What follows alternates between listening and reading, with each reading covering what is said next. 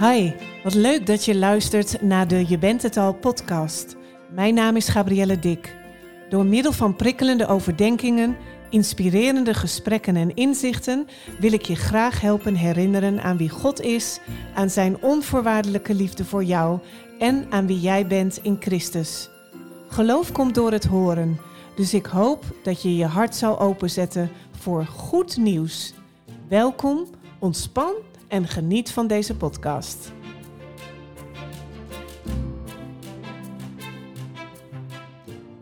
Vandaag gaan we het hebben over een thema dat een hele grote rol heeft gespeeld in mijn leven en waar heel veel mensen mee worstelen, namelijk angst. Als presentatiecoach ontmoet ik veel mensen die bang zijn om bijvoorbeeld te spreken voor een groep. Maar je kan natuurlijk voor heel veel dingen bang zijn. Voor mensen, voor spinnen, voor de dood, voor ziekte of voor meningen van anderen. Toch kan angst ook nuttig zijn en informatie geven.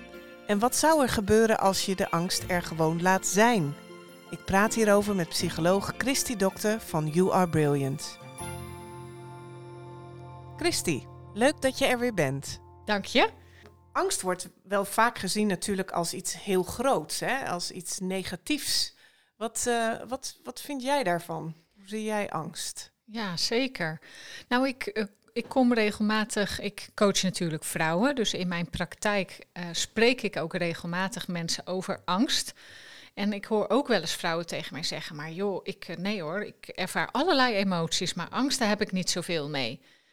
En dan uiteindelijk, als we doorpraten, dan blijkt er wel twijfel en onzekerheid te zijn. En uh, angst voor meningen bijvoorbeeld. Of wij denken in, uh, als het over angst gaat, vaak groot. Van ja, maar hé, hey, ik durf toch in het donker over straat en ik ben niet bang voor spinnen. Dus nee hoor, angst is geen thema.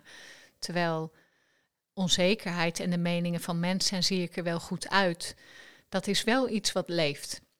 Dus ik denk dat wij allemaal in meer of mindere mate te maken hebben met angst. En dat angst ook helemaal niet in de basis zo negatief hoeft te zijn.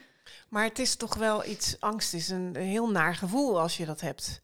Toch? Als je bang bent voor mensen, angst uh, voor anderen, angst voor grote dingen, maakt niet uit wat. Ja. Dat geeft mij een heel erg naar gevoel. Dan wil je er toch van af. Dat snap ik. Alleen um, voor mij betekent angst uh, dat het ook een signaal geeft, namelijk eigenlijk een soort stop.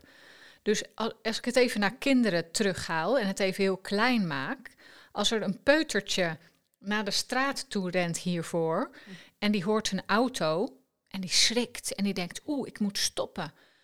Dan zijn we als ouders dolblij dat het kind snapt, uh, dit is gevaarlijk, ik moet nu stil gaan staan. Hm. Dus in basis is angst bedoeld om um, om juist een soort die onrust die we ervaren, zegt eigenlijk: ga hier niet verder, maar stop. Dus voor mij heeft angst ook alles met grenzen te maken. Maar omdat wij als mensen onze emoties nog wel eens stapelen of ze er niet willen laten zijn, ja, dan worden ze heel groot en dan schieten ze uiteindelijk uit proportie. Ja, dat, dat is wat ik erover denk, wat ja. ik erover geloof. Dus dan wordt het ineens heel groot en dan kan je er niks meer mee. Nee. Dus angst is eigenlijk een signaal waar je uh, al heel snel naar moet gaan luisteren. Waar je dat? naar zou mogen luisteren, zeker. Of ja, ja mogen. Ja, ja, ja. ja. ja. Absoluut. Nou, en als je het dan hebt over bijvoorbeeld presenteren, uh, die presentatieangst, dat heeft weer alles te maken met, uh, je zou kunnen denken, oh, maar als ik dat dus niet fijn vind, hoef ik dat dus mooi niet te doen als ik daarnaar luister. Nee, klopt. Ja, en dan denk ik, hé, hey, uh, volgens mij zit daar een leugen onder. En als er een leugen onder zit, dan mag je dat wel degelijk verkennen en wellicht je gedachten daarover veranderen. Hoe zie jij dat als je werkt met mensen rondom presenteren? Ja, nou, het is inderdaad wat je zegt. Uh, mensen voelen iets, hè, een naar gevoel. Ik moet nu voor een publiek iets vertellen en ze kijken allemaal naar mij. Dat wordt er dan gezegd als reden. Ja, ze kijken allemaal naar mij. Of wat nou als ik een blackout krijg? Of nou ja, allemaal echte reële gevoelde angsten, zeg maar. Vaak weten mensen niet wat ze denken. Dus wat ik heel snel doe eigenlijk, is dat ik vraag maar wat, wat denk je dan? Dus je voelt wel van alles, maar wat denk je dan? En eh, daar zijn mensen zich helemaal niet van bewust. Ja, ja, dus dat ga je proberen te ontmaskeren met ze. Ja, ja dus Ja. ik ga het ook gewoon echt eens opschrijven. Wat denk je allemaal dan? Dus als zij naar mij kijken, dus iedereen kijkt naar mij, wat denk je dan? Nou, dan gaan mensen nadenken en dan denken ze, zeggen ze van, oké, iedereen kijkt naar mij en ik ben niet goed genoeg. Of ik val door de mand. Het zijn echt van die hele mooie uitspraken die we gewoon in ons leven hebben bedacht. Hè, eh, oh, ik ga door de mand vallen. Eh, of ik moet de lat wel hoog leggen. Want oeh, eh, heel spannend als mensen ineens gaan ontdekken wie ik werkelijk ben, Ja. zeg maar. Ja, En dat zijn gedachten die we ons helemaal niet bewust zijn. Dat Nee. wij dus dat soort dingen denken. precies. Ja, het gaat niet om mij. Bijvoorbeeld, oeh, dan sta ik in de spotlight. En het gaat toch niet om mij, het gaat toch om de boodschap. Eh, nou ja, er zijn heel veel ehm, eh, dingen die ons bang maken. Eh, maar het is goed om eens op te gaan schrijven. Wat denk ik dan? Ja, duidelijk. Ja. En wat heb jij persoonlijk? Want je hebt er inderdaad in een eerdere podcast al wel over verteld dat angst voor jou een groot thema is geweest. Ehm, kan je daar eens iets meer over vertellen? Ja, de angst eh, dat ik niet goed genoeg was, eh, maar met name natuurlijk voor God. eh, dat was echt een enorme kramp in mijn leven en dat kilde me ook letterlijk. Ik had echt het gevoel dat, af, dat er af en toe gewoon iemand was die, die de handen om mijn keel dichtkneep, zeg maar. Ehm, ehm, en ja, dat, ik dacht wel van ja, angst is niet van God, daar moet ik dus echt wat mee. Mhm. Ehm, dus toen, hè, dat heb ik verteld in een eerdere podcast, ben ik naar een coach gegaan. Wat voor mij toen ook echt heel helder werd, ehm, is, zij liet mij een foto zien van Carolyn Leaf. Zij is neurowetenschapster. Mhm. En zij heeft een boek geschreven, Switch Off Your Brain, geloof ik dat het heet in het Engels. Gebruik je hersenen in het Nederlands. En eh, daarin staat dus een foto, een scan van iemands hersenen. Ja, En je kan dus op die scan zien, eh, en dat, dat schijnt dus ook gewoon te kunnen, ehm, wat eh, iemands gedachten zijn. Dus je hebt 30 tot 60.000 gedachten per dag. goeiedag. Ja, en maar 5% is nuttig. Dus moet je nagaan. Negatieve gedachten, die ontwikkelen zich als een soort zwarte bomen in je brein. En die, die boompjes, dat wordt ook door de neurowetenschappers benoemd als de magic trees of the mind. Dus het Mhm. bestaat ook echt. Die gedachten, dat zijn proteïnen. En die proteïnen die produceren dus weer eh, boompjes op je zenuwcellen. En die zwarte boompjes, die als je dus een bepaalde gedachte hebt, een negatieve gedachte, en natuurlijk de basisgedachte van alle angst is, ben ik goed genoeg? Doe ik het goed? Ja. Uiteindelijk. Hè, en dat voed je dan door allerlei gedachten, dan worden dat zwarte bomen. En die doen iets met de structuur van je brein, maar ook met je lichaam. Ja, Dus zij liet mij dat zien. Echt serieus. ik schrok daar heel erg van. ja, Eh, want ik dacht, oké, dus als iemand een scan van mijn gedachten maakt, dan is daar dus op te zien hoeveel zwarte boompjes ik uiteindelijk gecreëerd heb. precies. Wat heftig. Ja, En dan? ja, en dan? Nou, dat maakte voor mij wel, want zij zei natuurlijk van jij hebt de sleutel. Betekent, hè, net zoals ik eh, eh, eerder heb genoemd, in eh, Romeinen wordt hervormd door de vernieuwing van je denken. Dus jij hebt de sleutel om andere gedachten te maken. Ja, Eh, ja, en dan. ehm, en het is ook ehm, wetenschappelijk mogelijk om inderdaad andere gedachten aan te maken. En die zorgen ervoor dat dus die zwarte boompjes krimpen. Dus je kan je brein ontgiftigen. Dat is het goede nieuws. precies. Dat is toch tof? Dus je kan nieuwe boompjes aanmaken? Ja, je kan nieuwe boompjes aanmaken door inderdaad anders te gaan denken. Positief te gaan denken. Wat mooi. Ja, dat is voor mij ook wel als ik trainingen geef, dat ik denk, oh mensen, verleg je focus. Want als we angst hebben, ik weet niet of je dat herkent in je eigen leven, maar als je angst hebt, dan focus je eigenlijk bijna alleen maar op die angst. Ja. Die angst is zo groot. Ja. Herken Ja. je dat? Ja, dat herken ik wel. Wat ik ook veel zie, is dat mensen die angst ervaren als heel groot. En, en jij zei net al even, hè, van angst is niet van God. Dus wij als christenen kunnen ook echt denken, dit is niet best. Dit, Mm. dit, en eigenlijk ook, dit mag er niet zijn. Maar dan kan de valkuil zijn dat je dus gaat knokken tegen de angst. Ja. Terwijl wat jij net beschrijft over uh, Dr. Caroline Leaf en Switch Off Your Brain, dat ik denk, hé, hey, wacht eens even. Maar dat betekent dat we uh, ons eigenlijk op iets nieuws kunnen gaan focussen. Dat is ook wat je dus doet in je trainingen, begrijp ik. Ja, klopt. Klopt. Ja, ik uh, werk dus heel erg met het principe van je bent het al. Ja. de titel van, van deze podcast. Je bent het al, stop met worden. Ja. Je bent al goed zoals je bent. Dus waar ik op focus tijdens mijn trainingen is ook van, maar wie ben je dan? Ja. Wie ben je echt? En uh, dat doe ik door allerlei oefeningen, haal ik dat naar boven. Maar focus nou eens op van, oh, daar ben ik goed in en dat, dat kan ik goed en dat vind ik leuk. En hè, waarin verschil jij van de ander? Want als jij je daarop gaat focussen, dan uh, word je blij. Ja, en zou dat dan kunnen betekenen dat de angst afneemt? Want dan gaan we ons dus richten op iets compleet anders. Terwijl mensen kunnen het gevoel hebben, ja, maar ik moet toch iets met die angst. Ja.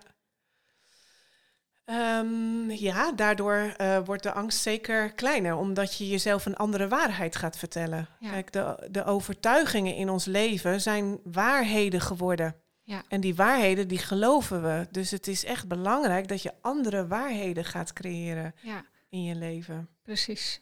Ja. Hoe werkt dat voor jou met, met, met de vrouwen die jij in je praktijk hebt? Ja, ik, ik, um, voor mij is het dus wel belangrijk. Angst is voor mij ook emotie. Dus angst Ja. zit ook aan emotie vast. En uh, ik heb inderdaad, ik probeer vaak uit te leggen: ga nou niet knokken tegen de angst. Maar wat als het er ze gewoon zou mogen zijn? Wat, wat zou er gebeuren als het er gewoon zou mogen zijn en dat je het niet probeert weg te duwen of te verstoppen? Ja. Zit er dan misschien informatie in? Ja. En uh, dat kan zijn dat het een stopteken geeft, maar het kan inderdaad ook zijn dat het een leugen blootlegt en dat je daarmee naar de Heer mag. Maar um, vechten tegen of een soort, ik ben uh, christen, dus volmaakte liefde drijft toch de vrees uit en eigenlijk mag ik dit niet voelen, dat gooit ook nog eens bovenop de, de angst oordeel eroverheen. Mm. En dat, als er oordeel bij komt, dan maakt dat het heel vaak groter in plaats van kleiner. Mm -hmm. Dus voor mij is ook een eerste stap vaak van, hey, angst, kom erbij, neem een stoel naast me, ga Ja. zitten. Ja.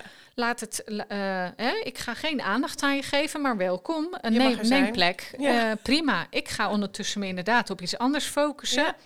Um, uh, maar, maar niet meer knokken tegen. Nee, want nee, dat maakt klopt. het vaak groter. Het oordeel maakt het echt groter.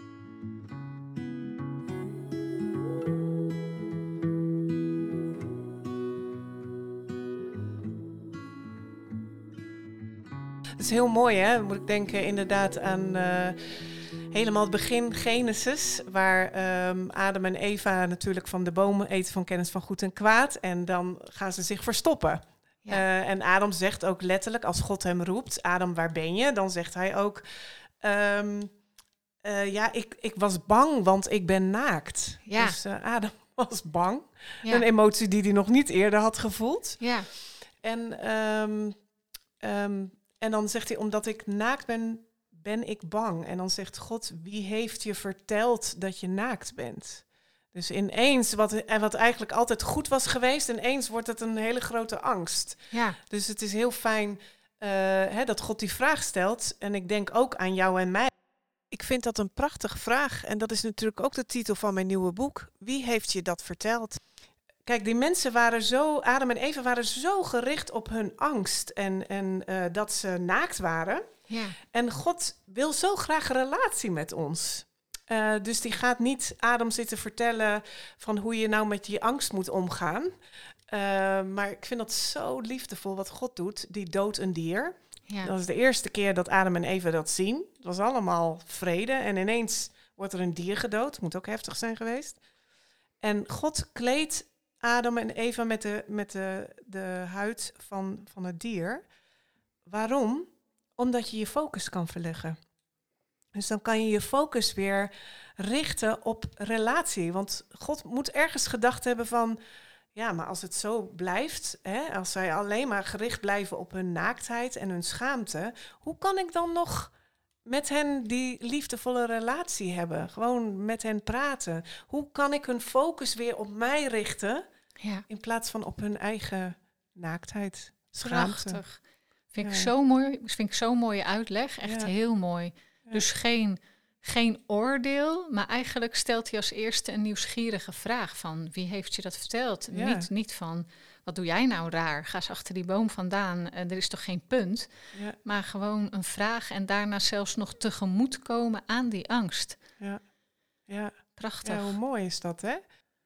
Ja, ik vind dan die quote zo mooi ehm, van change is not about fighting the old, but building the new.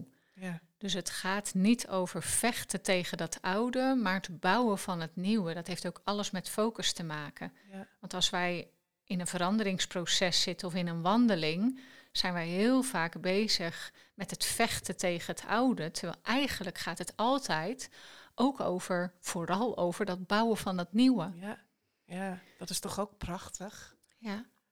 Ja. Heb jij dat in je eigen leven ook? Worstel jij wel eens met angst? Nou, ik zou als, zoals sommige vrouwen in mijn praktijk zeggen, nou, ik ben aan de ene kant niet zo angstig aangelegd. Ik durf prima door het donker naar huis en dat soort dingen. Maar ik heb wel altijd heel erg de meningen van mensen. Die heb ik altijd heel spannend gevonden. Ja. Eh, dus voor mij zit angst inderdaad in, in oordeel. Bang, bang zijn om het niet goed te doen voor mensen. Of dat ik eh, niet geliefd ben of niet. eh, dus, dus dat is voor mij een angststukje. En ik kan ook wel, als ik rot in mijn vel zit, eh, bang zijn van, oh, misschien is er iets mis met mij. Ik voel iets daar in mijn buik. Oh, dan, dan is er vast iets niet goed. Oh ja. Dus dat kan ook wel mij ineens overvallen. ja. Ja. Er zit dus heel veel een soort van kracht achter of zo. Er zit een bepaalde kracht, eh, toch, in die gedachten die ons Ja. bang maken. Zeker. En het legt eigenlijk lam. Dus wat ik, wat ik dan merk, ook aan mijn eigen lijf, is dat je soort in een kramp raakt. eh, waardoor je je gaat terugtrekken, klein maken. Eh, als je niet lekker in je vel zet, doe mij een dekentje op de bank. En ik eh, ben wel lekker een dagje op snoerstand en ik ga Netflix kijken of zo. Mm. Het ontneemt ons ook durf en lef. Dus Mm. wij eh, worden een soort stilgezet. Terwijl ik ook wel door de jaren heen geleerd heb. Kijk, dieren in het dierenrijk, die schudden. Die schudden als ze iets heftigs hebben meegemaakt. Of ze zijn achterna gezeten door een roofdier. En het is goed gekomen. Dan schudden ze daarna soorten angst van zich af. En wij mensen gaan dus juist helemaal soort op slot. Als we bang worden, dan worden we ook non-verbaal ineens stiller. Hè? Alles gaat in eh, standje star en krampachtig en op slot. Eh, Hoe terwijl, komt dat dan? Waarom doen we dat dan? Ehm, nou, omdat de moed soort uit je leven wordt gezogen. Als ik gewoon even naar mezelf kijk. Als ik dan denk, oh, er is vast iets mis met me of er is iets in mijn buik niet goed. Wat er gebeurt is dat ik helemaal in mijn hoofd ga daarna. Dus dan ga ik puzzelen. Maar ik word soort helemaal stilgezet. Dus ik verkramp in mijn lichaam.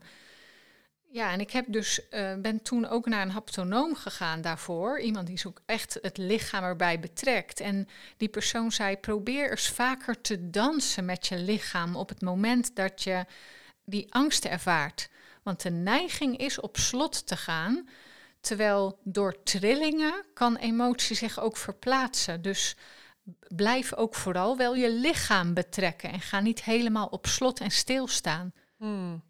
Dus, eh, dus ook iets wat je met je lichaam kan doen. Dus, Zeker. dus niet alleen maar met een psycholoog, of, maar ook echt met je lichaam. Ja, zeker. En we zijn natuurlijk ook echt geest, ziel en Ja. lichaam. Dus, dus ik geloof dat die drie altijd effect op elkaar hebben.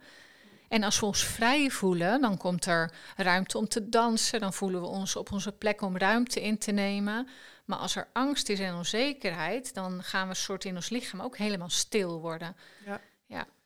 Ik, ik, ehm, bij mij is het ook wel een soort van. Hè, waarom word ik dan zelf stil? Of wil ik me terugtrekken of verdoven, eigenlijk, zoals je het net Mhm. zei? Is ook een soort schaamte.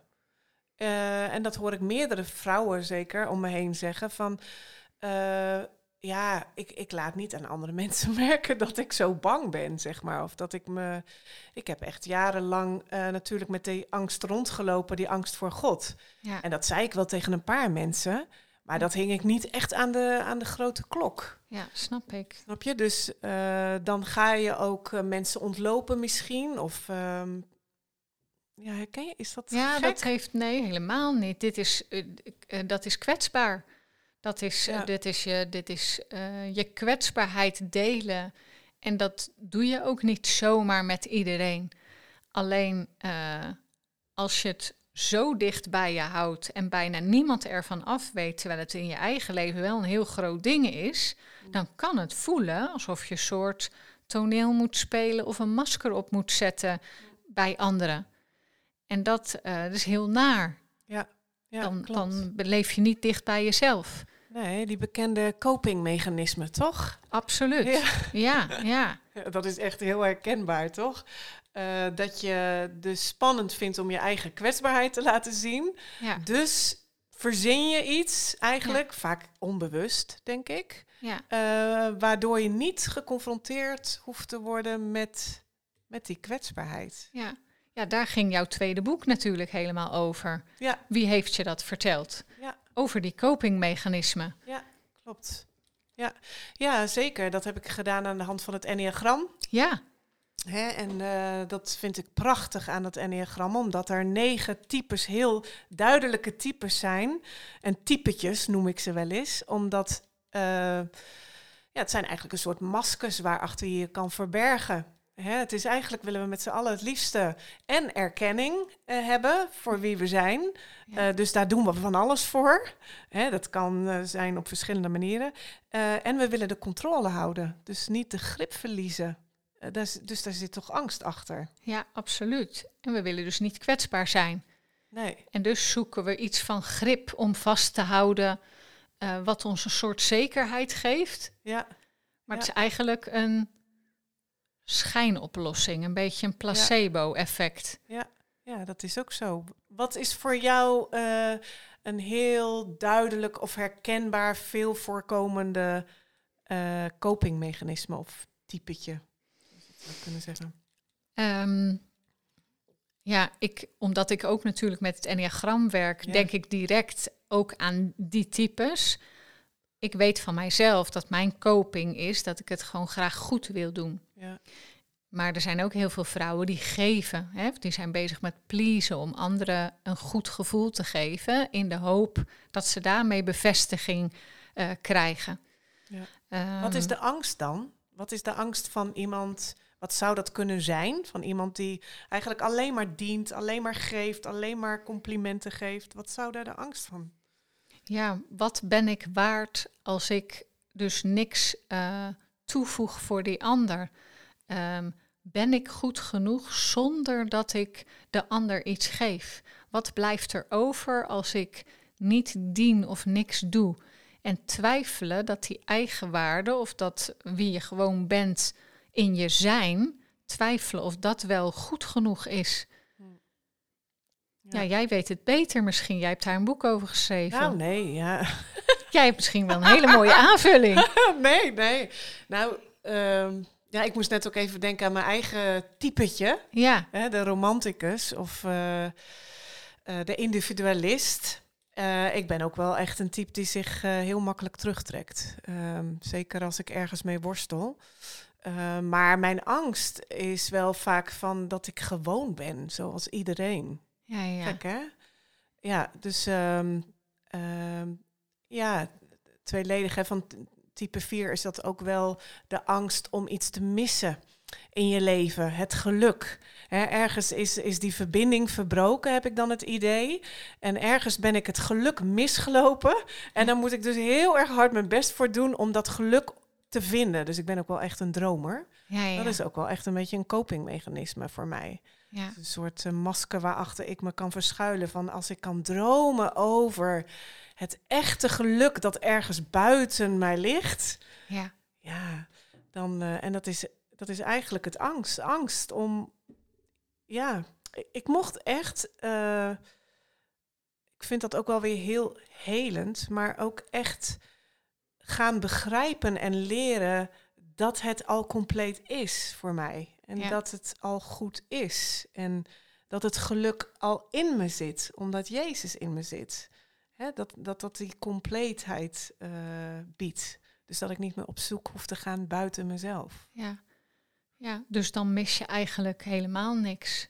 Want dan zit het al Nee. in je. Nee. En is dat dus ook weer focus verleggen? Is dat ook weer Ja. je niet richten op de angst, maar bouwen aan Ja. de nieuwe overtuiging? Ja, zeker. En ehm, nou, wat jij zei net vind ik heel mooi. Dat het mag er zijn. Hè? Ook dat ik dat voel. Of daar is- zit geen oordeel op, geen veroordeling op.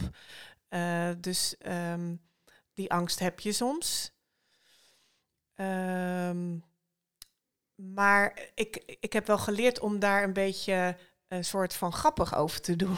Om er wat luchtiger over te doen. Nou, grappig zeg. Nou denk ik weer dat ik iets mis in mijn leven.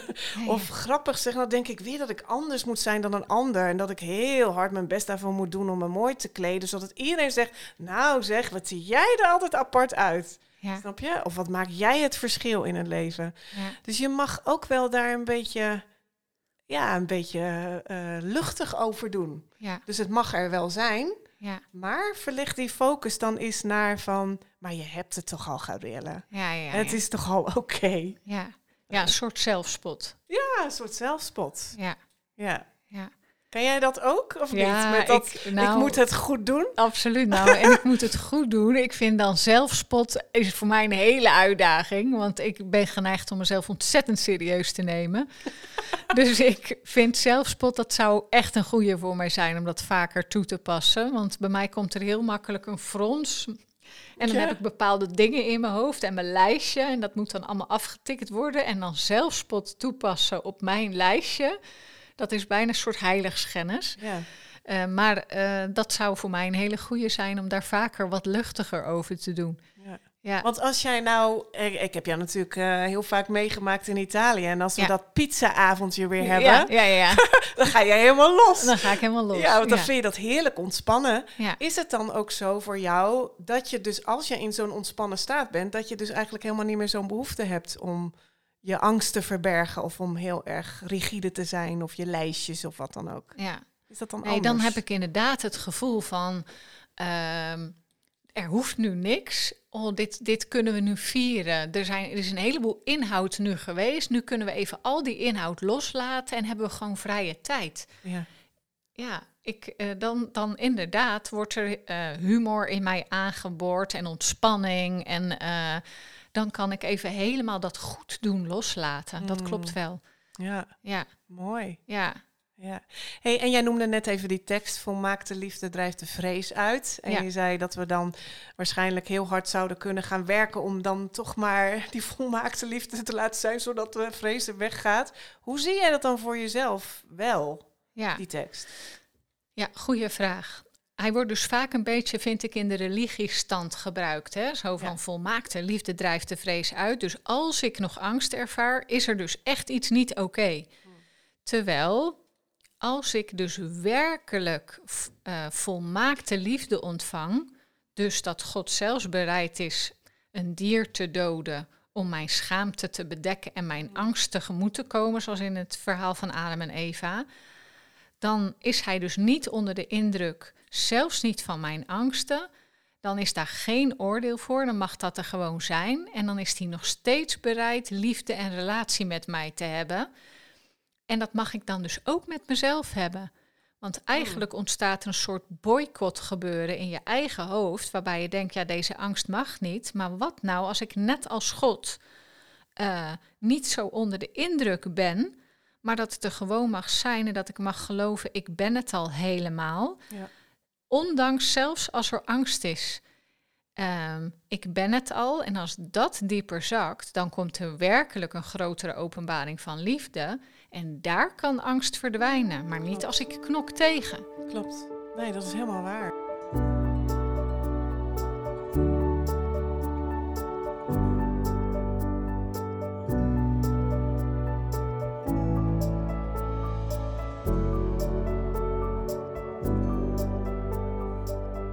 Ik heb voor mijn nieuwe boek eh, wie heeft je dat verteld? Heb ik een interview gehad met Pim.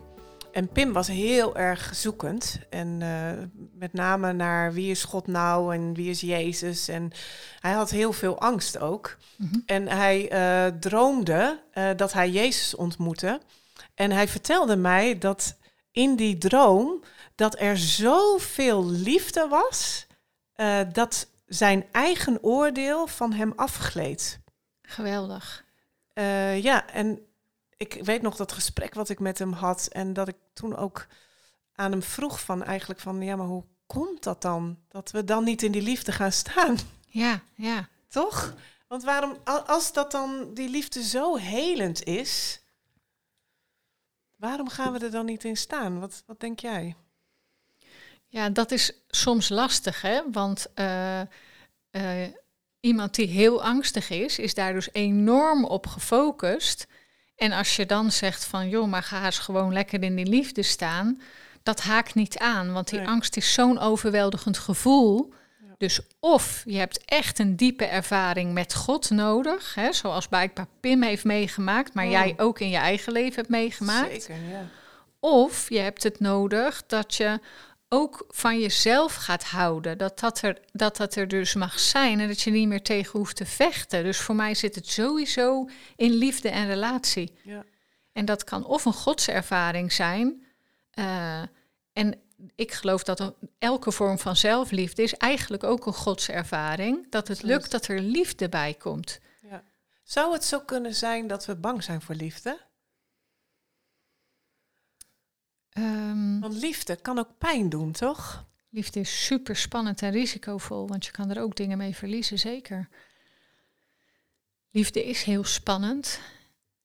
Want ik heb ook wel eens mensen gehoord hè, die, die, erva die ervaarden zoveel liefde dat het bijna te veel is. Mm -hmm. Snap je? Hè? Dus in die zin zouden we ook bang kunnen zijn voor liefde, wat liefde eigenlijk met je doet. Want je houdt je natuurlijk je hele leven vast. Ja, ja.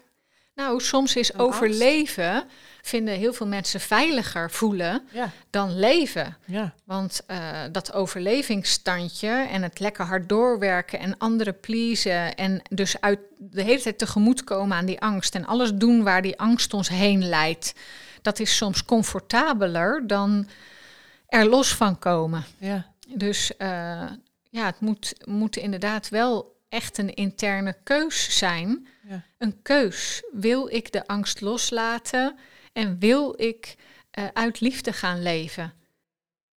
Eigenlijk net als dat jouw coach tegen jou zei: als je dit blijft geloven, gaat er niks veranderen. Dat is aan de ene kant kan dat heel confronterend voelen, maar het is zo waard, ook erkenning voor wat er eigenlijk speelt. En heel erg zonder oordeel. Ja. Uh, dus op een bepaalde manier hebben we het nodig om het ook wel vol in de ogen te kijken en woorden ja. te geven. En dat het er dus helemaal mag zijn zonder ja. oordeel. Ja. Dat is het startpunt van verandering. Ja, absoluut. Het is toch weer een keuze. Hoe lastig dat ook is. Nou ja, van de week had ik ook een gesprek met iemand die ook veel angst heeft. En, en dan, als je het woord keuze al noemt, dan is het al, oeh, oh, ik moet dus weer iets kiezen. Ja. Maar misschien is het ook wel het openzetten van je hart en toestaan dat God daarin komt met zijn liefde. Of Ja. toestaan dat, ehm, dat wat je denkt niet altijd waar is. Ja. ja. Je hart op een keer zetten. Ja. Maar dan dus niet om te gaan strijden tegen die oude, Nee. maar door iets nieuws te gaan bouwen. Ja. Ja. Ja, Ja. iets nieuws te gaan omarmen. Dat vind ik zo mooi, dat eh, lied van Sarah Kroger. eh, die zegt eh, dat we heel lang onze angst, onze onzekerheid en alles omarmd hebben. Of eigenlijk toegeëigend hebben. Maar waarom zetten we diezelfde kracht? Want het is toch eigenlijk ook een soort van eigen wijsheid. Ja. Een soort is ook kracht. Ja, Als je je daaraan vasthoudt, Zeker. ja, daar kies je ook voor, toch? Ja. Ja. En zij zegt dan van, wordt het nu niet eens tijd dat je je geliefd zijn gaat omarmen? Ja.